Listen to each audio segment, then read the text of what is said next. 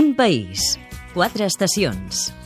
El turisme a Catalunya Informació amb Fèlix Martín. Amb la Setmana Santa ha començat oficialment la temporada de turisme actiu i esports d'aventura al Pirineu de Lleida, la zona líder del sector a nivell estatal, i ho fa amb més empreses i amb més aigua que mai. A Banyoles també promouen activitats de lleure vinculades a l'esport. Escoltarem Joana Vilà, regidora de Turisme, amb les novetats que acaben de presentar. Les empreses que es dediquen als esports d'aventura al Pirineu de Lleida han augmentat d'un 20% i ja superen les 200. Comença la temporada amb bones perspectives, entre altres perquè les condicions són immillorables per a les activitats aquàtiques. Un reportatge de Noèlia Caselles amb el muntatge musical d'Àlex Rosselló. El turisme actiu i d'esports d'aventura encara no arriba a la trentena d'anys a Catalunya. En aquest temps, però, s'ha consolidat com un sector important que, tot i la situació econòmica global, encara no ha tocat sostre. Fins ara ha fet més de 5 milions de serveis i genera un impacte econòmic de 62 milions d'euros al Pirineu lleidatà. Té bona salut perquè augmenten les empreses que s'hi dediquen, però ara han d'afrontar el repte que els suposa l'increment de l'IVA. Passa del 8 al 21%. Joan Renyer, president de la Diputació de Lleida. Tenia teníem censades 171 empreses a les comarques de Lleida, enguany són 206. Això vol dir un increment d'un 20%, per tant eh, és una aposta clara, claríssima, del sector, de les empreses, de les persones, dels emprenedors. Les més de 200 empreses que ja ofereixen més d'una cinquantena d'activitats. Les més sol·licitades són les d'aigua, sobretot el rafting, però també el barranquisme, l'hidroespit i el caiac. Enguany hi ha el triple d'aigua gràcies a la neu. Florido Dolcet, president de les empreses d'esports d'aventura del Pallars Sobirà. Aquell que ja ha practicat activitats aquàtiques no ho haurà fet amb unes condicions com les que trobarem aquest any. La qualitat del servei de les nostres empreses, crec que som l'oferta, evidentment liderem el mercat eh, a nivell espanyol de l'oferta de turisme turisme actiu i esports d'aventura i amb tots aquests condicionaments continuarem fent.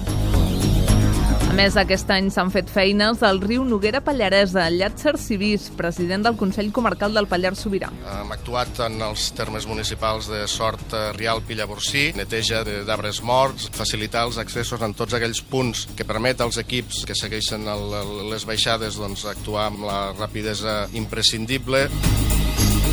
A banda del riu hi ha el senderisme, la bicicleta de muntanya i el parapent, i també les excursions a cavall, que pugen força. Com a novetats, una excursió amb vaixell per l'embassament de Canelles i amb caiac pel Congost de Montrevell a la llum de la lluna, i també una sortida guiada pel Parc Nacional d'Aigües Tortes adaptada per a persones sordes amb la llengua dels signes.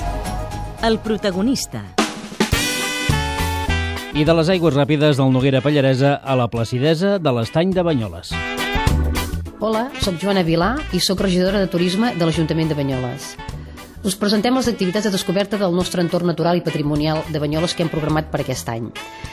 Uh, aquest any el que hem volgut és uh, titular les diferents visites sota el nom de visites guiades, activitats familiars, visites teatralitzades. Per què? Perquè la nostra finalitat és potenciar el turisme familiar, que és el públic majoritari que visita la ciutat i per extensió la nostra comarca, i també el que hem volgut és classificar aquests tipus d'activitat d'una manera que la gent que visita la ciutat doncs, els hi sigui fàcilment identificable i localitzable.